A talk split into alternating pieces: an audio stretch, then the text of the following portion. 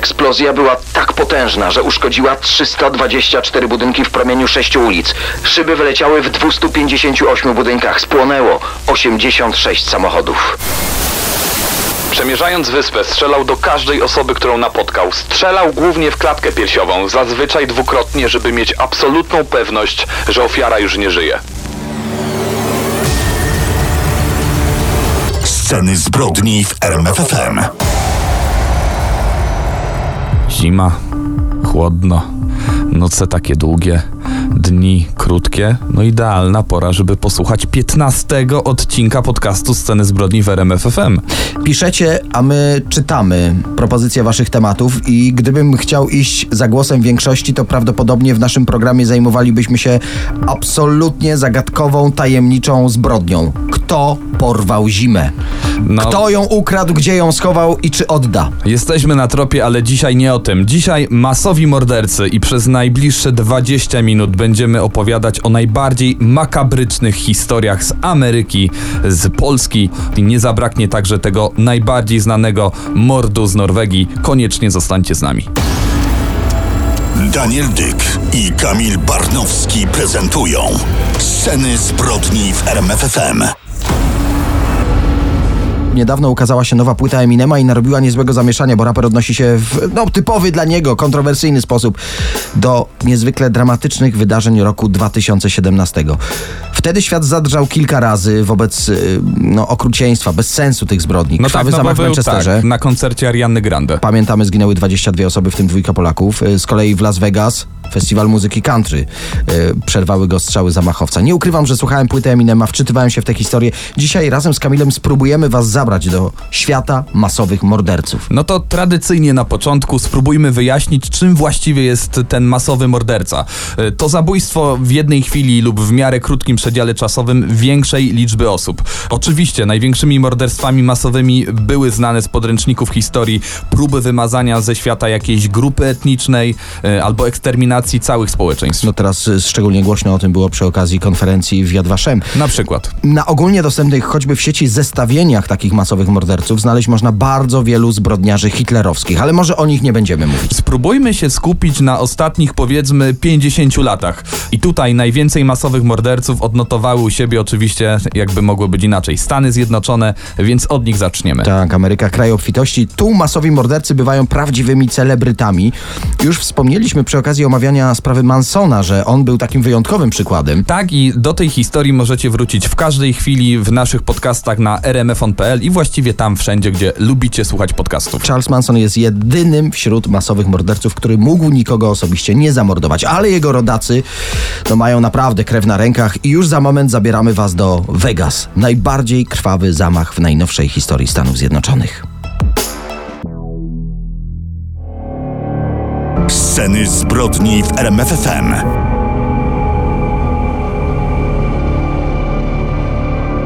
Scenach zbrodni dzisiaj masowi mordercy. I najwięcej z nich to Amerykanie, więc zaczniemy od jednego z nich, Steven Craig Paddock. To on w 2017 roku strzelał do fanów muzyki country w Las Vegas. Z jego broni zginęło 58 osób, a 851 zostało rannych. Steven urodził się 9 kwietnia 1953 roku. Pierwszy z czterech synów Benjamina Padoka, który nie był dla dzieci wzorem ojcostwa. Miał długą kartotekę, napadał na banki. Można powiedzieć więcej, był w dziesiątce kryminalistów najbardziej poszukiwanych przez FBI, no to bardzo dużo o nim mówi. W sumie jakieś 20 lat przesiedział w więzieniu, a to akurat jego synom mogło wyjść na dobre. Nie znali taty za dobrze, nie wciągał ich w swoje interesy, poszli inną drogą, skończyli studia. Steven i jego brat Eryk założyli biznes w latach 80., działali w branży nieruchomości, dorobili się na tym niemałego majątku. Szacuje się, że to co najmniej 5 milionów dolarów. I można powiedzieć, że to tym bardziej szokujące, biorąc pod uwagę, że przytaczamy życiorys człowieka, który zastrzelił najwięcej ofiar w historii Ameryki. Świetnie sytuowany, posiadał dwa prywatne samoloty, licencję pilota. Jego pasją były podróże. Ale i myślistwo, i kolekcjonowanie broni. O tej pasji jednak niewielu wiedziało, powiedzmy szczerze. Nawet jego najbliższa rodzina dopiero po zamachu dowiedziała się, jak ogromny zgromadził arsenał. Można powiedzieć, obywatel nie wyróżniający się negatywnie. A jednak w nocy z 1 na 2 października 2017 roku ten niewyróżniający się obywatel barykaduje drzwi drzwi pokoju na 32 piętrze hotelu w Las Vegas. Ze swojego okna ma widok na tłum ludzi bawiący się na festiwalu Route 91. Zjechali fani muzyki country z całych Stanów Zjednoczonych. Otwiera okno, i potem otwiera ogień. Strzela na przemian ze wszystkich karabinów i pistoletów. 58 osób ginie od jego kul, 851 osób zostało rannych. Największe pod względem liczby ofiar takie zdarzenie w historii USA. Gdy Steven Paddock usłyszał antyterrorystów przygotowujących się do sforsowania zbudowanej przez niego barykady, nie czeka aż założą ładunki wybuchowe, nie czeka aż wysadzą drzwi do jego pokoju, strzela sobie w głowę. Funkcjonariusze elitarnej jednostki SWAT znajdują w jego pokoju 24 sztuki broni palnej, ale żadnego listu, odezwy, manifestu. Nie znamy prawdziwego powodu, dla którego ten człowiek strzelał. Chociaż pamiętamy, mówiliśmy o tym także w radiu RMFFM, że państwo islamskie przypisało sobie ten zamach, twierdząc, że, że kilka tygodni wcześniej miał on przejść na islam. Z kolei jego brat Eryk, wspominany przez nas, twierdzi, że Steven nie był szczególnie religijny. To nie jedyna teoria, bo głośno było też o tezie, że mógł być to protest przeciw zaprzysiężeniu Donalda Trumpa na prezydenta. Podobno w hotelowym pokoju znaleziono u niego takie ulotki potwierdzające właśnie ten motyw. Miał też być obecny na jednym z tych głośnych wieców sprzeciwiających się jego prezydenturze. Prawdziwe motywy nie są oficjalnie znane. Nie wiemy z jakiego powodu stał się masowym mordercą z największą w historii Stanów Zjednoczonych liczbą zastrzelonych ofiar, ale wiemy, że rok przed nim ten mroczny tytuł należał do Omara Matina. I za moment przypomnimy dramatyczne wydarzenia z czerwca 2016 roku. Zostańcie z nami.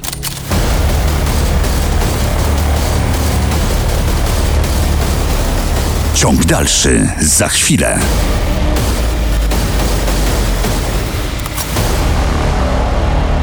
Masowi mordercy zaczęliśmy od Stanów Zjednoczonych i od tych z największą liczbą ofiar, no to tym razem Omar Matin.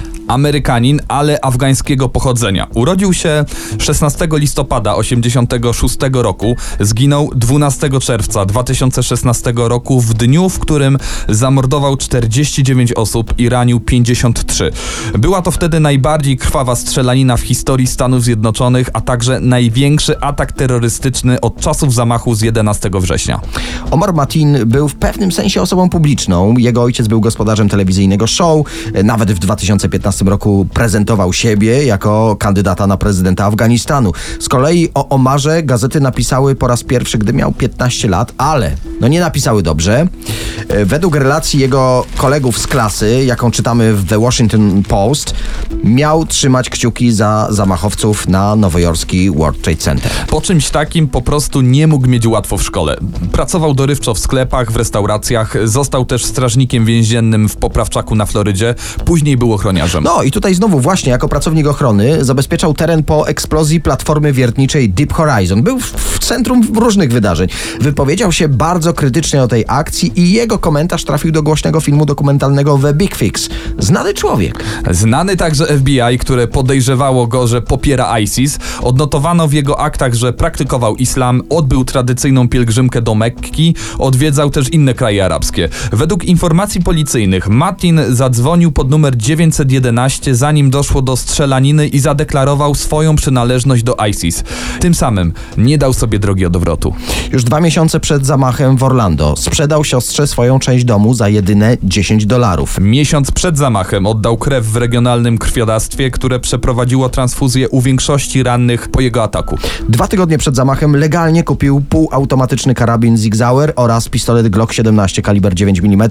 Obydwie bronie zostały później użyte w strzelaninie. Kontynuując odliczanie, kilka godzin przed zamachem odwiedził dom rodziców i pożegnał się z ojcem. No i w końcu feralna noc, 12 czerwca 2016 roku, jest druga czasu wschodniego. Omar Matin wchodzi do klubu Pulse w Orlando na Florydzie, no i zaczyna strzelać. Bierze też zakładników. Ich dramat trwa niemal 4 godziny. Kończąc to odliczanie, 5.50 w czasie, gdy policja szturmuje klub, zamachowiec został zastrzelony, zdołał zabić 49 osób, a ranił 53.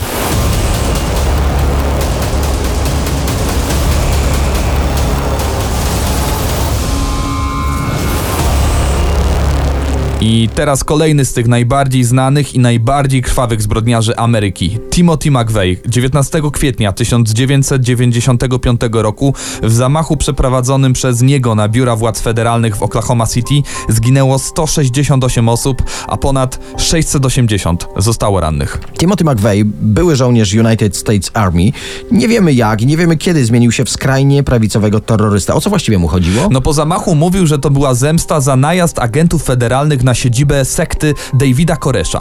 To może wyjaśnijmy, że Koresz był przywódcą apokaliptycznej sekty, uważał się za wcielenie Mesjasza, głosił, że ma prawo mieć tyle żon, ile zechce. Wiele jego kochanek było niepełnoletnich. I gdy w marcu 93 roku policjanci zjawili się na jego farmie, zabarykadował się ze swoimi wyznawcami. Doszło wtedy do strzelaniny, następnie wybuchł pożar, w wyniku którego zginęło ponad 70 osób z jego sekty. Przywódca sekty sam się podobno zastrzelił. No i właśnie za te akcje służb postanowił się zemścić Timothy McVeigh. Dwa lata po tragedii na farmie załadował na ciężarówkę bombę domowej roboty. Ładunek o wadze prawie 2,5 tony wysadził następnie pod budynkiem federalnym w Oklahoma City. Eksplozja była tak potężna, wyobraźcie sobie, że uszkodziła 324 budynki w promieniu 6 ulic od epicentrum. Szyby wyleciały w 258 budynkach.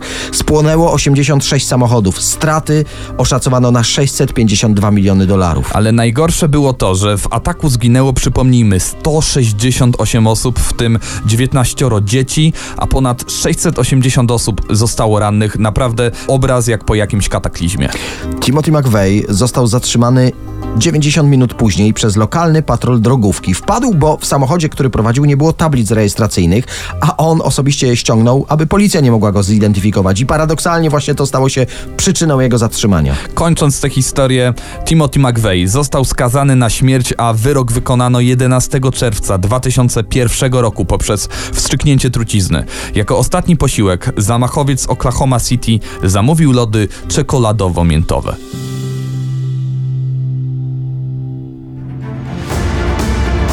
Daniel Dyk i Kamil Barnowski prezentują Sceny zbrodni w RMFFM. Jeszcze parę historii w programie Sceny zbrodni w RMF FM. Jedna z najciekawszych teraz, bo będziemy mówili o prawdziwym celebrycie na naszej liście masowych morderców. Anders Breivik 22 lipca 2011 roku zamordował 77 osób. 69 na wyspie Utoja byli to głównie uczestnicy obozu młodzieżówki Partii Pracy. Przed tą masakrą Breivik podłożył bombę pod siedzibą premiera Norwegii. W trakcie tego ataku zginęło 8 osób. Pochodził z dobrego domu. Jego ojciec był ambasadorem. Oczko w głowie rodziców. Małżeństwo jednak e, rozpadło się.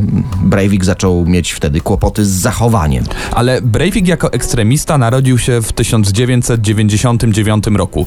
Żeby narzucić naszych słuchaczy na mapę, musimy powiedzieć, że trwa wojna na Bałkanach, mordy Serbów na bośniackich muzułmanach powodują międzynarodową interwencję. W misji uczestniczą również norwescy żołnierze i Breivik uznał to za zdradę. Dla niego Serbowie byli wojownikami na froncie walki kulturowej. Od tego momentu Breivik stał się samotnym żołnierzem na wojnie z islamem.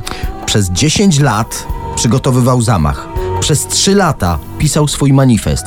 Chciał ukarać tych, którzy uczestniczyli w przyjmowaniu muzułmanów, czyli urzędników państwowych. Swoje umiejętności strzeleckie szlifował głównie grając w gry komputerowe. Wziął nawet dlatego roczny urlop w pracy, w trakcie którego oczywiście grał głównie w różne strzelanki. Ale już prawdziwą broń, z której zamordował prawie 70 osób, kupił zupełnie legalnie, a w formularzu zaznaczył, że będzie jej używał do polowania na jelenie. To musimy przyznać, że wszystko, absolutnie wszystko miał pod kontrolą, miał zaplanowane w najdrobniejszych szczegółach, żeby uzyskać materiały niezbędne do stworzenia bomby. Wyobraźcie sobie, założył firmę rolniczą Breivik Geofarm. No i dzięki temu bez żadnych podejrzeń swobodnie kupował nawozy, chemikalia wykorzystywane w rolnictwie, ale przy okazji świetnie nadające się do konstrukcji bomby. Część materiałów kupił nawet podobno przez internet w Polsce. Potrzebował w sumie 3 ton nawozu. Mówiłeś o tym, że Breivik miał wszystko zaplanowane. Na potwierdzenie tego dodam, że zaprojektował nawet własny mundur, w którym był ubrany w trakcie swojego ataku. Wracając do bomby, w 2011 roku przeprowadził się do niewielkiej miejscowości Rena pod Oslo i tam na farmie, nie wzbudzając zupełnie niczyich podejrzeń, skonstruował własnej roboty bombę. 22 lipca 2011 rok, godzina zero. Samochód wypełniony ładunkami wybuchowymi zaparkował obok siedziby premiera Norwegii. Nie udało mu się zaparkować samochodu wystarczająco blisko budynku, co bardzo osłabiło siłę rażenia wybuchu. Następnie przebrany za policjanta Breivik udał się na wyspę Utoja. Tam, no może zacytuję, co powiedział policjantowi, który zaczepił go na promie. Chce przeprowadzić rutynową kontrolę na przedmieściach Oslo. I z wyspy można było wydostać się tylko promem. Nie ma po prostu innej drogi ucieczki i Breivik oczywiście doskonale o tym wiedział. Przemierzał wyspę, strzelał do każdej osoby, którą napotkał. Strzelał głównie w klatkę piersiową, zazwyczaj dwukrotnie, żeby mieć absolutną pewność, że ofiara już nie żyje. Dziesiątki niewinnych osób zabijanych jak na polowaniu na dziką zwierzynę. Strzelał z półautomatycznej broni przez 72 minuty, a po wszystkim podał się komandosom. Wróćmy do manifestu, który pisał y, przez 3 lata. Został on rozesłany przez Breivika elektronicznie do ponad 1000 adresatów, liczy 1518 stron i opisuje dokładnie, jak przygotowywał się do zamachu i co chciał przez to uzyskać. Breivik pisał tam o sobie jako o przyszłym tymczasowym władcy Norwegii i najważniejsze jest to, że miał być e, w tej całej organizacji mistrzem współczesnych templariuszy. Ale generalnie chciał, aby Norwegowie mieszkali w rezerwatach, w ten sposób odbudowali swoją populację, taką czystą populację. W tym czasie wszyscy muzułmanie mieli zostać deportowani nie tyle z jego kraju, ale w ogóle z całej Europy. Mimo wszystko psychiatrzy stwierdzili, że Breivik jest poczytalny, dlatego został skazany na 21 lat więzienia. Dodajmy, że to jest najwyższa możliwa kara w Norwegii. Ale najwyższa. z możliwością nieograniczonego przedłużania wyroku, jeśli nadal będzie zagrażał społeczeństwu. Co jakiś czas dochodzą do nas informacje na temat skarg Breivika, dlatego wspomniałem o nim, że jest takim prawdziwym celebrytą, bo nie daje o sobie zapomnieć. Skarży się m.in. na warunki, w jakich został osadzony, a norweskie więzienia są jedne z tych najlepszych, najbardziej wygodnych na świecie, jeżeli miałbym to tak określić. Jeden z przykładów takich bardzo głośnych skarżył się na brak najnowszych gier komputerowych w jego konsoli wideo. Tak, i tą sytuację opisał, że jest przetrzymywany w nieludzkich warunkach.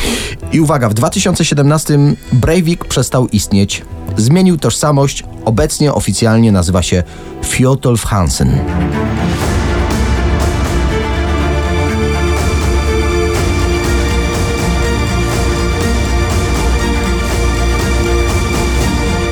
Czas na absolutnego antybohatera z Polski, jednak będzie to historia zupełnie inna od tych, o których mówiliśmy w, w dzisiejszym programie dotychczas y, w scenach zbrodni, bo to nie będzie żaden akt terroryzmu, a pod takie mogliśmy podciągnąć dotychczasowe historie. Przejdźmy do sedna. Ryszard Sobok, mieszkaniec Walimia, 11 i 12 lutego 81 roku zamordował sześć osób. Historia trochę podobna do sprawy Marianny Dolińskiej, o której już mówiliśmy w jednym z odcinków programu Sceny Zbrodni, ale wracając do Ryszarda, bezrobotny przepija wszystkie pieniądze, które udało mu się w jakiś sposób zdobyć. Dramat rozpoczął się od awantury pomiędzy nim a jego partnerką Krystyną Nykiel. Kobieta prawdopodobnie chciała wyrzucić go z domu. Zaszantażowała podobno Soboka, że jeśli się nie wyprowadzi albo nie przestanie pić, usunie jego dziecko. Była już w siódmym miesiącu ciąży. Prawdopodobnie dlatego mężczyzna wpadł w szał. Brutalnie bije swoją partnerkę i jej 16-letnią córkę. Następnie wiesza kobiety na sznurach do suszenia prania. Całą tragedię widział roczny synek kobiety, którego Sobok też zamordował. Zabił trzy, a właściwie cztery osoby. Powtórzmy, kobieta była przecież w zaawansowanej ciąży. Spędził noc w mieszkaniu w towarzystwie trzech ciał, które przed chwilą zamordował. Widocznie mu to nie przeszkadzało. Następnego dnia rankiem 12 lutego zjawił się w mieszkaniu swojego ojca. I według różnych relacji kilka dni wcześniej pokłócił się z nim. O pieniądze poszło. Ryszard Sobok widocznie mu tego nie zapomniał. Zaatakował ojca młotkiem, uderzył kilka razy w głowę. Mężczyzna zginął na miejscu. Tu dramat się nie kończy. W domu byli jeszcze siostrzeńcy Soboka, dziewięcioletni Irek i dziesięcioletnia Ania. Mężczyzna powiesił dzieci na haku do suszenia prania dokładnie w taki sam sposób, jaki zrobił to dzień wcześniej. Tym razem Sobok zostawił na stole liścik, z którego wynikało, że planuje rozprawić się również z rodziną swojej kolejnej siostry. Mieszkańcy Walimia byli no, wręcz sparaliżowani strachem. Morderca mógł się przecież kryć wszędzie. Mógł zajrzeć do każdego domu. Intensywne poszukiwania trwały przez trzy dni. Już 16 lutego Sobok został schwytany w policyjnej zasadce urządzonej w mieszkaniu jego siostry. W momencie zatrzymania miał przy sobie bagnet. Wszystko wskazuje na to, że miała być jego kolejną ofiarą. Najbardziej uderzające są zeznania mężczyzny w trakcie przesłuchania. Według jego relacji wszystko miało racjonalne wytłumaczenie. Pozwólcie, że zacytuję jego zeznania, które mam przy sobie. Tak więc Krystynę Nykiel zabiłem, bo chciała zabić moje dziecko i mnie wypędzić. I córkę Teresę, dlatego, bo widziała, jak zabijam jej matkę i mogła komuś powiedzieć. Jej syna Marka, dlatego, żeby się nie męczył i nie umarł z głodu, jak zostanie sam. Ojca, dlatego, że nie pożyczył mi pieniędzy na jedzenie i przez niego nie miałem na mleko ani na jedzenie w domu. Irka i Jankę, że rzucili się na mnie, jak biłem ojca. Według psychiatrów Sobok był przykładem szalonego mordercy, który nie planował dokładnie swojego działania, a jednak uznano, że był poczytalny w trakcie popełniania siedmiokrotnego zabójstwa. 16 czerwca 1982 roku sąd w Wałbrzychu skazał Ryszarda Soboka na karę śmierci przez powieszenie. Wyrok wykonano 21 listopada 1983 roku.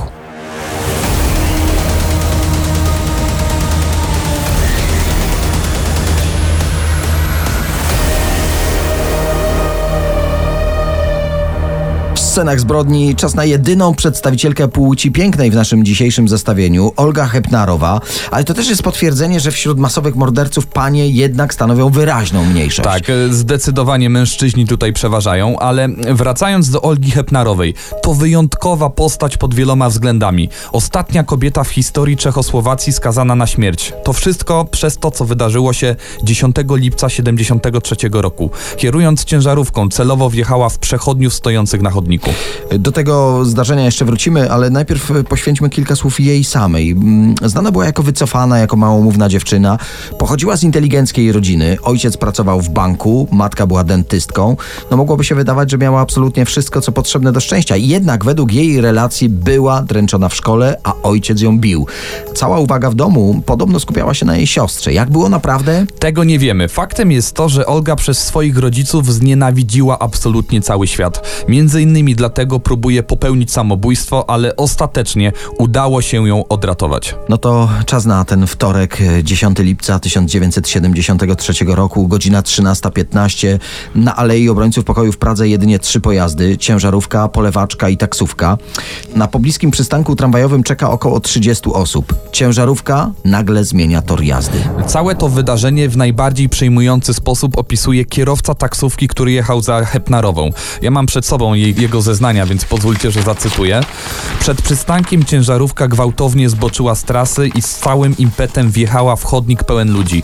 To auto dosłownie mieliło przechodniów. Słyszałem okrzyki przerażenia i bólu. Na chodniku było mnóstwo ciał i oderwanych kończyn. Ta relacja sprzed blisko pół wieku przypomina e, jako żywa ataki terrorystyczne z 2016 roku, prawda?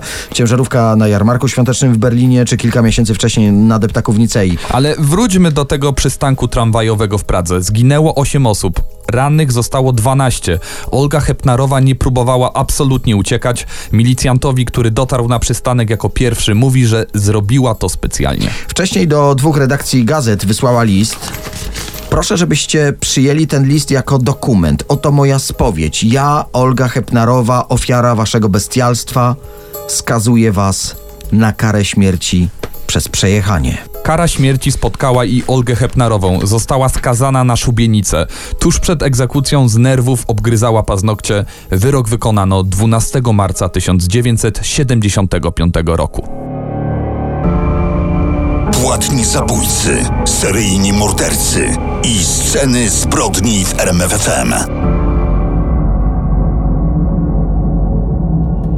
Mówiłeś, że zimno, Mówiłem. że ciemno. Też mówiłeś. mówiłem. Po tych historiach o masowych mordercach mam wrażenie, zrobiło się mroczniej i, i jeszcze zimniej. Mam ochotę nawet podejść do radiowej kuchni i otworzyć lodówkę, bo tam na pewno cieplej, a i światło jakby przytulniejsze. Ale gwarantujemy, że za tydzień też bardzo efektownie i efektywnie będziemy mrozić krew w waszych żyłach. Y, Za 15 odcinek podcastu Sceny Zbrodni bardzo serdecznie dziękuję. Kamil Barnowski. I Daniel Dyk, y, sprawdźcie, czy podcast numer 16 już nie leży, bo my tak mówimy za tydzień, za tydzień, a może to już nagrane i czeka na wasze kliknięcie tuż obok.